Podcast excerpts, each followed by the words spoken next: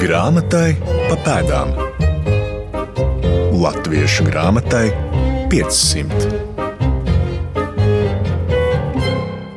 Esiet sveicināti! Mans vārds Laima Slava, un šoreiz jūsu uzmanību vērsīšu atkārtotam Bībeles izdevumam, kas klajā nāk 1739. gadā. Tas ir Hernhūtiešu aizsākuma laiks, un grāfam Cincendorfam bijusi īpaša loma, lai atkārtotais izdevums nāktu klajā. Uzzināsiet, kāpēc Bībeles otro izdevumu dēvē par īsto tautas Bībeli un atgādināsim par Ernsta Glika Bībeles pirmu izdevumu, arī par ozoliem, ko stādīja salūksnē, pabeidzot jaunās un vecās derības tulkošanu. Tas savukārt mūsdienās pāraudzis projektā Glika ozoli. Viens ozols tagad aug arī pie Latvijas Nacionālās bibliotēkas. Grāmatai pa pēdām.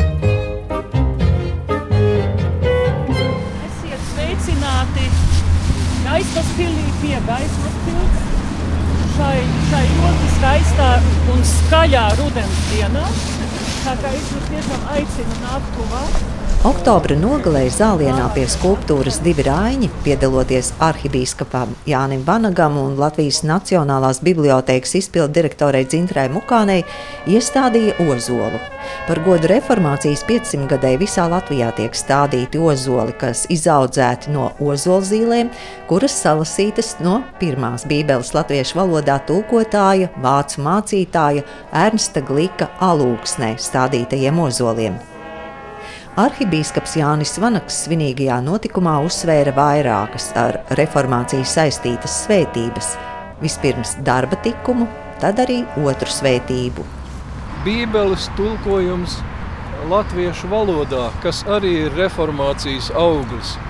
Un ne tikai tas, ka caur Bībeles tulkojumu latviešu valodā latviešu tauta beidzot tā pa īstam satvēra labo vēstu vai Kristus evaņģēliju, bet arī tas, ka caur to attīstījās latviešu valoda, kļuva tiešām par vienu īstu Eiropas rakstītu valodu un par vienu no pasaules tādām attīstīto valodu saimēm, par literāru valodu.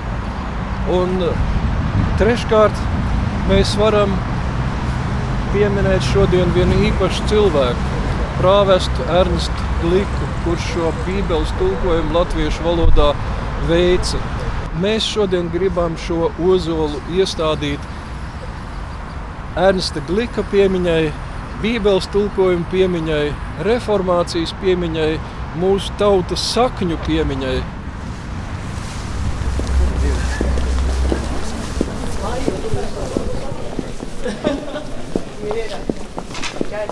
Kad Glika ozols zālienā pie Nacionālās bibliotēkas iestādīts, sanākušie dodas uz bibliotēkas pastāvīgo ekspozīciju Grāmata Latvijā.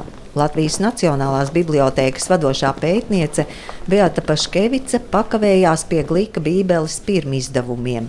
Vispirms norādot uz portretu, kurā redzams glīka darba devējs Johans Fišers, Zviedru ieceltais ģenerālsuperintendents. 1675. gadā, kurš atbrauc uz vidzemi un darbojas ļoti uh, intensīvi, lai dievu vārdu izplatītu šeit. Viņš ir Tāpat arī pirms tam jau iepazinies ar Filipu Jakobu Špēneru, kurš ir nu, šo pietisma reformu aizsācējs Frankfurtē, un arī saskaņā ar viņu programmu, jo viņa programma Pia Desiderija iznāk 675. gadā.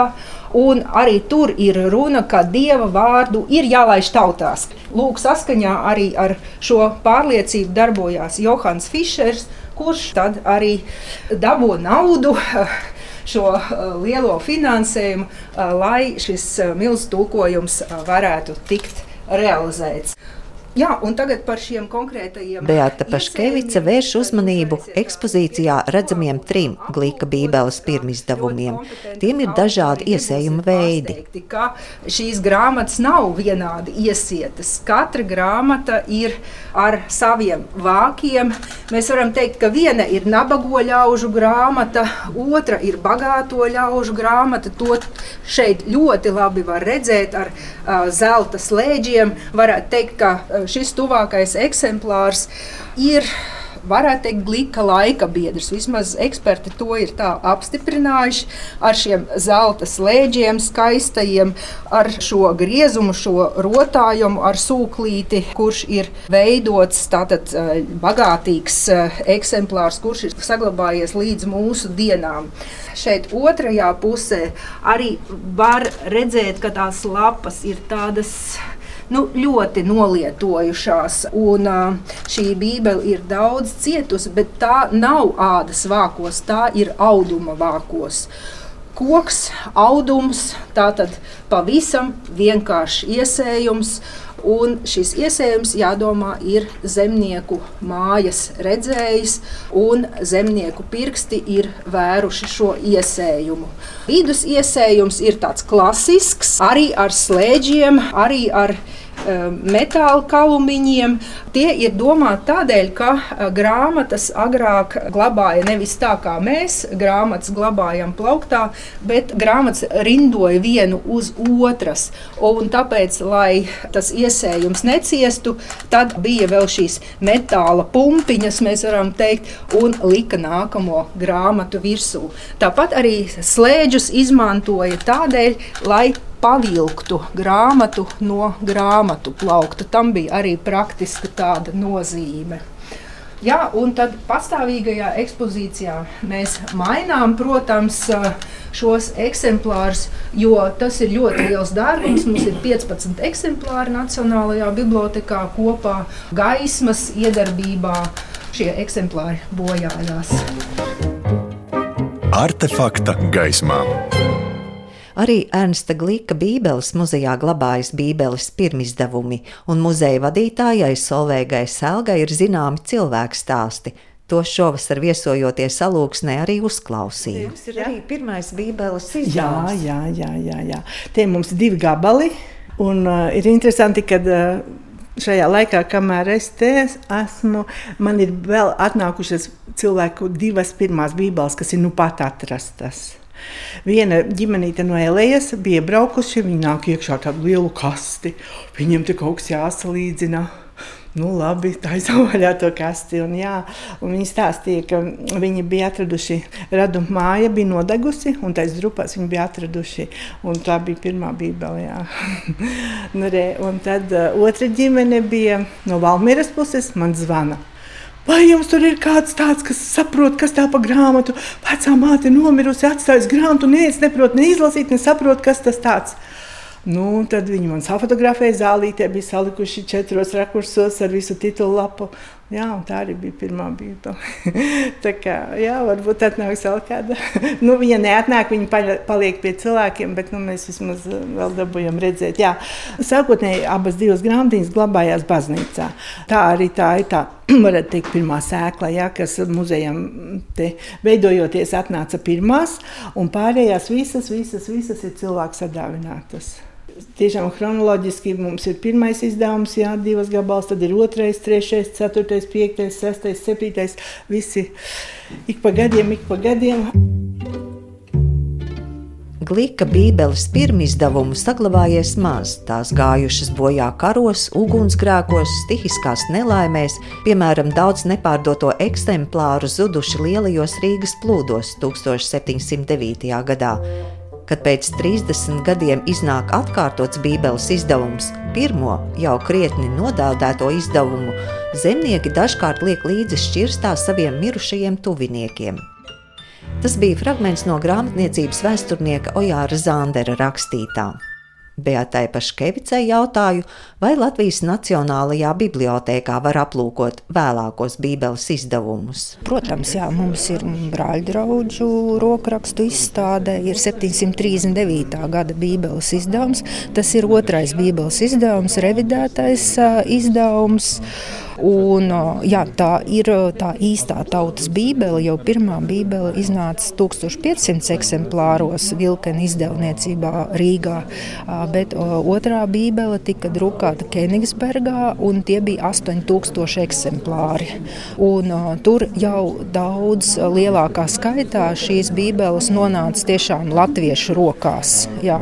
Lai gan arī pirmā bībele, šķiet, 250 eksemplāri arī tika dāvināti iznīcināti, izplatīti skolās, bet arī daļa eksemplāru gāja zudumā, jo bija karš un mēris un plūdi bija notikuši. Tā kā visas bībeles nav saglabājušās. Un šī pirmā, ko jūs teicāt, ka tā varētu būt zemnieku mājas īpašumā bijusi. Kāds ir tās ceļš, vai ir zināms? Diemžēl nav zināms šis ceļš.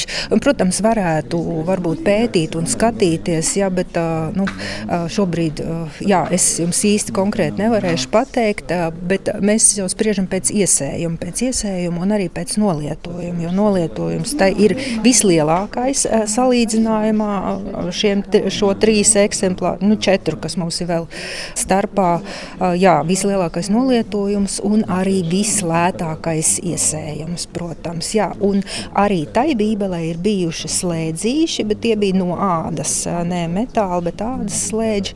Līdz ar to varētu pieņemt, ka tas iesējums arī ir diezgan pasens, bet tieši precīzi tad vajadzētu veikt speciālu ekspertīzi.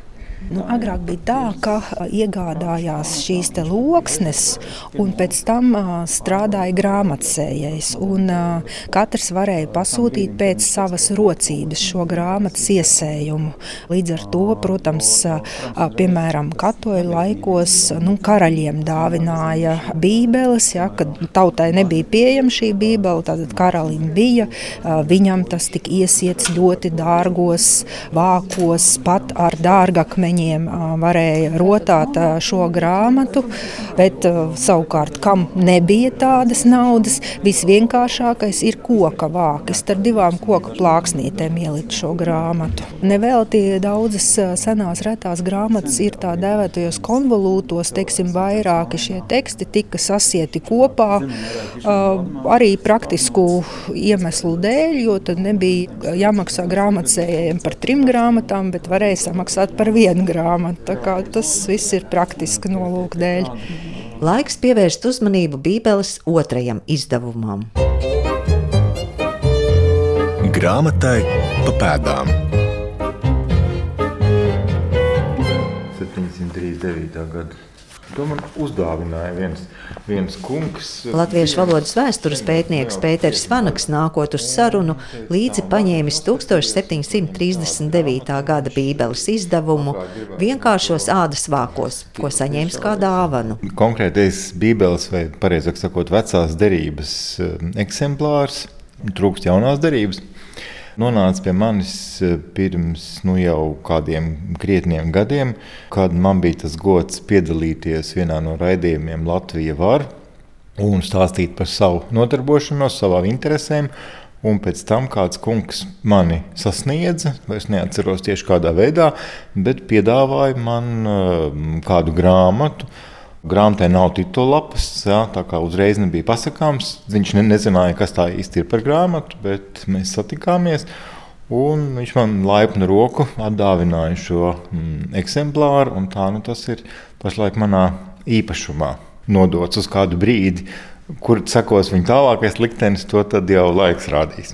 Tātad šeit ir vecā derība. Jā. Tas nozīmē, ka iesēja vai ne iesēja veco, atsevišķu veco derību. Iesiet varēja ļoti dažādi. Tas bija atkarīgs, jo grāmatas tolaik pamatā mm, tas nebija kā šodien, jau ka grāmata bija jau uzreiz. Nodrukāja un iesēja, bet faktiski glabāja mm, vairāk vai mazāk tās nodrukātās loksnes, un tad pie vajadzības viņas iesēja mēdz arī iesiet pa daļām, mēdz veidot konvolūtus, tad, tad vairākas grāmatas kopā iesiet.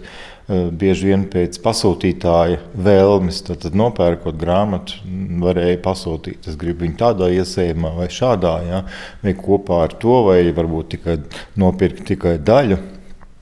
Tā kā tas var būt ļoti dažādi. Katrā ziņā šī ir šķietami no paša sākuma bijusi tikai vecā derība. Jā, tas nav kāds vēlāks iesējums, bet nu, tad, tad sava laika, 18. gadsimta. Iesējums. Kas mums vispār būtu jāzina par Glīka Bībeles otro izdevumu? Kas ar to saistās? Kas ir svarīgi zināt? Svarīgs tas ir vairāku iemeslu dēļ. Pirmkārt, pati grāmata Mm, redzat, formāts ir pavisam cits. Glika Bībeles izdevums ir liela, milzīga grāmata, saprotams, tā ir skaisti noliekama uz altāra, vai um, uz kanceles, vai, vai uz liela galda. Un tad šis izdevums šādā formātā ir uh, daudz vieglāk transportējams lasāms arī mājās. Un, neapšaubāmi 18. gadsimta pirmajā pusē tomēr lasīt prasme latviešu vidū jau bija sākusi izplatīties pamazām līdz ar pirmo skolu veidošanu. Jā, jāņem vērā, ka tas ir jau Hanhūtiešu aizsākuma laikmets, un Hanhūtiešiem, vai sevišķi grāfam Cincendorfam, ir bijusi īpaša loma arī šī izdevuma veicināšanā, lai tas tiktu izdots. Un šī grāmata tad arī nonāca daudz plašāk pie tiksim, vienkāršās tautas, pie tiem cilvēkiem mājās, pie zemniekiem, pie zemniekiem kuri um, prata lasīt. Un šīs grāmatas tirāža arī lielāka, laikam, 8000, ja nemaldos, ir šīs grāmatas metiens. Un uh, arī tā tika iepriekš uh, bija parakstīšanās uz viņu, ja, tad iemaksa, lai arī finansētu šo izdevumu papildus. Un daudzos apvidos, ja ceļš vidzemē, kur, kur arī bija šis um, handhūtiešu aizsākums, ja, un, un arī, kā, kur viņi arī bija pēc tam, tad arī diezgan daudzās mājās tas nonāca. Un, protams, tad arī ir viena daļa no eksemplāriem ir saglabājušies arī ne tikai bibliotekās, ja, bet arī gājuši cauri reāliem tautas lietotājiem. Tad jau apvalkātas, aplietotas, ja ir sasniegušas arī mūsdienas. Vai šim otrajam izdevumam bija arī kāds priekšvārds vai kaut kāda pavadoša Jā, ziņa. Protams, ir priekšvārds, un uh, tur ir vairāk priekšvārdu, ir atkārtot arī no iepriekšējā.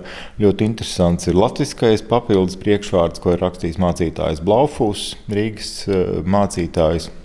Un kas arī bija tāds senhotiešu atbalstītājs. Blaufus pats par sevi ir interesanta personība, domājams, vismaz tiek piedāvāts Viņa rokai arī pirmais eh, tāds vēstures stāsts eh, par latviešu vēsturi. Tie vidzemes ļaužu stāsti, ja, kas datēti ar 18. gadsimta vidu. Uh, tas ir viens interesants papildus elements, interesantā, labā valodā uzrakstīts, ja, pamācība arī kā Bībele būtu lasāma. Atklājam tekstus! Vai arī kaut kādā citādā ziņā ir notikusi tāda redakcija vai rediģēšana? Jā, tieši tā. Pirmkārt, jau varam atcerēties, ka Ernests Gliks pats gatavojās. Viņš jau tad, kad gatavoja, kad tiks iespiesta Bībele, viņš pats bija domājis par jaunu izdevumu, par rediģēšanu. Un šķiet, ka viņš arī to jau bija sācis darīt, ka viņam bija kādi rokraksti, kas bija domāti, bet tie aizgājuši bojā, tie nav sasnieguši, ja ņemot vērā kara apstākļus un pašu glika likteni. Lūk, tad, kad gatavoja, nonāca līdz tam, ka vajag jaunu mm, izdevumu, un tas ir nepieciešams, tad eh, atkal savā ziņā līdzīgi kā glika laikā, kad, protams, Gliks bija tas galvenais tulkotājs vai, vai vienīgais tulkotājs. Un pēc tam nonāca kurzemes un vidzemes mācītāju tādā komisijas rokās, tad šeit jau no paša sākuma arī tika iesaistīti gan kurzemes, gan vidzemes mācītāji. Mācītāji gan no vienas, gan no otras provinces, ja, kas toreiz atradās atkal joprojām divās valstīs. Šajā gadījumā jau Krievijas impērijā no vienas puses un otras kurzemes zemgāles hercogistē, Polijas, Lietuvas vasaļvalstī. Tātad atkal bija tāds kopdarbs kur sākotnēji mācītāji dažādi. Viņu starpā tika sadalīts, kuras grāmatas viņi caurskatīs, un tad tas viss tika arī, arī kopīgi apspriests, kas tika akceptēts, kas tika noliegts, ja, kāda labojumi. Te iestarpināšu, ka veidojot nākamo raidījumu grāmatai pa pēdām par smiltenes mācītāju Jakobu Langi un viņa darbību valodniecībā un tulkošanā, uzzinu, ka arī Langa piedalījies Bībeles tulkojuma pārskatīšanā, un man ir tīkami apzināties, ka viena no Bībeles rediģētājiem jau esmu iepazinusi. Par viņu stāstīšu tuvākajā laikā. Bet kādi labojumi otrajā izdevumā tika veikti, to palīdz noskaidrot Pēters Vanaks. Tie varēja būt, protams, tie individuālie labojumi galvenokārt attiecās uz leksiku, uz gramatiku, uz gramatiku plašākā nozīmē gan kādas morfoloģiskas, gan sintaktiskas lietas. Ar ko ir nozīmīgs šis izdevums, ir tas, ka te ir unificēta rakstība. Ja glika Bībele vēl bija um, atšķirīga, ja tur ir pirmie divi evaņģēlīji, kas ir sākotnēji iespiesti vienā rakstībā, un tad ir nedaudz atšķirīgi, un tad viņi nav tāda vienota. Tad šeit viss ir uh, vienots, maksimāli unificēts. Protams, šur tur ir kādas nekonsekvences, kā tas vienmēr ir, ja, bet, bet kopumā tad, tad Te ir izveidota tā rakstība, kas kalpo līdz faktiski 19. gadsimta vidum. Tad, tad tas ir tāds stabilais tas pamats, kas tad, jā, uz simts gadiem ir ielikts ļoti, ļoti pamatīgi. Un tas pats attiecas arī uz tekstu. Tieši šī vecā derība ir tā, kas kalpo līdz pat arī 19. gadsimta vidum, nepārskatīts. Tad šis ir pārskatīts, bet tālāk simts gadus Protams, nākamais izdevums ir tikai 18. gadsimta beigās, bet 19. gadsimta sākumā diezgan daudz sāk izdot. Bet joprojām kalpo tieši šis um, nelabots teksts vecie derībai. Jauno derību diezgan rūpīgi pārskata 1816. gada izdevumam. Un tur jau ir tādi lielāki grozījumi, arī galvenokārt teiksim, sintaktiski vārdu kārtību mainīt. Bet katrā ziņā tas, šī grāmata ir tā, kas kalpo par pamatu. Mm, nu, un, un kas ir tā lasām viela mm, lielai daļai 19. gadsimta pirmās puses uh, latviešiem, ja, kas tai pirmajai kultūras paudzei, faktiski tiem, kas ir tautiskās atmodas uh, laika cilvēkiem. Lielu un nozīmīgu pētījumu par Bībeles otro izdevumu trūkst. Atzīst Pēters Vanaks, taču ir veikti pilotu projekti, nelieli pētījumi kaut vai par rakstību. Divas tādas būtiskas iezīmes var minēt šeit. Viena ir tāda, mm, ar ko atšķiras arī no glika Bībeles. Pirmkārt, šeit notiek atteikšanās no lielajiem sākuma burtiem visiem lietvārdiem. Nevis tā vairs tā kā vācu valodā, kur visi lietvārdi tiek rakstīti ar lielu sākumu burtu. Šeit no tā principa atkāpjas. Tā ir pirmā tāda grāmata, kur tas notiek visai konsekventi. Tad, tad paliek ar lielo sākumu burtu tikai īpaši vārdi, no teikuma sākumā, ja, un, nu, un tad vārdi, kas ir pielīdzināmi īpaši vārdiem, teiksim, Dievs, Kungs, Svētais Gars un tam līdzīgi. Tas nenozīmē, ka no tā brīža visos rakstos tā tiek rakstīts, ja, bet jau šis princips ar ko atšķiras no vācu rakstības, ja, tas eh, tiek iedibināts. Uh, otrs, um, kas mums atvieglo teiksim, mūsdienu lasītājiem, atšķirībā no Glika Bībelē, vēl teikuma daļas tiek atdalītas ar šķērsvītru, tādu, kas ir visas līnijas garumā, uh, visu burtu augstumā. Tad šeit parādās tas, ko mēs varētu saukt par komatu, tātad neliela tā svītriņa zemāka Tādā veidā tas teksts vizuāli ir tāds mūsdienīgāks arī. Un, protams, kā jau teicu, ir unificēti maksimāli dažādas gramatiskās formas un rakstība kopumā, teiksim, kā apzīmēt garos īsos patskaņus, kā apzīmēt līdzskaņas, ja, un tas ir darīts arī konsekventāk. Liels tēvs ir aizstāts ar tēvu tēvu. Pēters Vanaks min piemērus, kur nesaprotami vārdi otrajā izdevumā aizstāti ar citu vārdu bet, bet kāpēc ir bēdas aizstāts ar samaitāšanu, troksnēšanu, ar postīšanu? Ja? Nu, reizēm tu tā nesaproti, kāpēc, ja kāda, kāda ir bijusi motivācija, kāpēc viņiem ir likusies, ka ir kaut kas jālabo kaut kādas fonētiskas iezīmes uh, pamainās. Aizgūmi diezgan daudz, aizgūtie personu vārdu rakstība diezgan stipri izmainīta salīdzinājumā ar to glika Bībeles pirmizdevumu. Nu, vēl viena interesanta lieta, ka te izzūd un tā kā mūsdienu valodā mūsu, jūsu tiek lietots tā nelokāmā forma. Ja līdz tam visai populāri bija arī lokāmas formas, teiksim, pēc mūsu līdzības mūsam kungam, mūsiem radiem, ja, tad, tad šeit vairs tas nav. Jā, nu, reizēm arī vienkārši maina kādus vārdus, um, acīm redzot, um, liekas precīzāk. Piemēram, izplasts ar izplatīts, lavējās, tīko, izvēlējuši, pieņēmuši, atsitās, atkāpjās, iedabū, izdod, sātināts, svētīts sakritis, noguris, jā, sodīts, atriepts. Nu, acīm redzot, gan no konteksta izējot, bieži vien viens vārds mums liekas šodien nesaprotams, otrs saprotamāks, vai vienkārši acīm redzot, kontekstā tas ir šķits iederīgāks viens vai otrs tiem uh, cilvēkiem. Protams, ir arī mainīts šur tur teksta struktūra, tad, tad kaut kādas secības. Mm, teikumā, ja teksts varbūt šur tur papildināts, tad, tad ir diezgan daudz un rūpīgi strādāts ja, pie šī izdevuma. Tas ir tiešām tāds pārlabots, varbūt netiksim uzlabots katrā gadījumā, bet pārlabots uh, glika teksts sākot jau ar gliku, bet it sevišķi 18. gadsimta teksti neapšaubāmi izplatīja latviešu rakstu valodu tautā. Tieši no šīs Bībeles vai tiksim, šis teksts, arī ja viņš bija iespiests kādā mm, perikopja krājumā, tika lasīts no kanceles. Jā.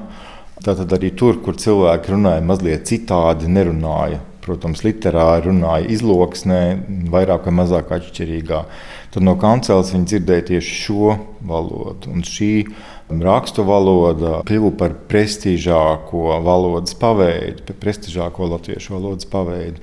Mēs varam iedomāties arī, ka mācītāji, kas nebija latviešu izcelsmes, kas runāja bieži vien arī nevis izloksnē, bet viņu latviešu valoda bija tuvāka tieši rakstu valodai. Ja? Tad, tad viņi principā apguva šādu tipu valodu, mm, kas varbūt nevienmēr skanēja ļoti latviešu, latviešu ausīm, ja? bet ir gramatiski, arī fonētiski. Ja? Tad tā bija tuvāka Lūk, šai rakstu valodai, kas nebūtu nav tālu arī no mūsdienu valodas, ja mēs ņemam tīri tiksim, tās eh, gramatikas pamatus. Protams, teikumu izveide, varbūt leksikas izvēle atšķiras, ja mums vienalga liksies arhaiski. Bet, ja mēs paskatīsimies gramatiskās formas, tad tās mums lielākajā daļā gadījumu būs tādas pašas, kā mēs lietojam vēl šodien latviešu valodā. Tad tā, tā ir rakstu valodā, kas ir mums dzimtā valoda, um, latviešu runājošo vairumam šodien. Svarīgā grāmatzīme. Bībeles otro izdevumu drukā Kēnigsbergā, Austrumprūsijā, jo Latvijas teritorijā pēc Ziemeļu kara tādu iespēju nav. Starp citu, arī vairāki mācītāji tiek speciāli komandēti uz Kēnigsbergu, kas tur dzīvo, kamēr Bībeli iespiež un lasa korektūras. Ar šo 18. gadsimtu tā nonāca tuvāk tautai nekā pirmizdevums. Jā, pirmizdevums tas eksemplāru skaits nebija tik liels, un, protams, tad arī nebija to lasītāju vēl, vēl tik daudz.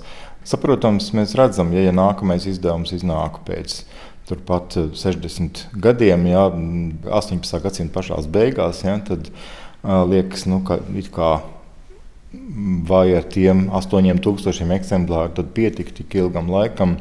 Nu, droši vien no vienas puses varētu teikt, ka nē, bet saprotams, ka līdzās Bībelē jau pastāvēja arī citas grāmatas. Tāpat arī parastā baznīcas rokas grāmata, kurā ir ielikās Tātad evanģēlīju mm, lasījumi, ja, tie, kas tiek lasīti perikopis, tā saucamās dziesmu grāmatas, ir katehismi, ir arī dažādi cita literatūra 18. gadsimta laikā. Tāpat tā kā nu, ne jau Bībele viena pati, ja līdzās jau šā laikā parādās arī cita reliģiskā literatūra, arī plašāk uz gadsimtu otru pusi, ja, kas tad eh, tiem, kas spēja lasīt, tad tomēr ir, ir plašāks tas, tas grāmatu klāsts.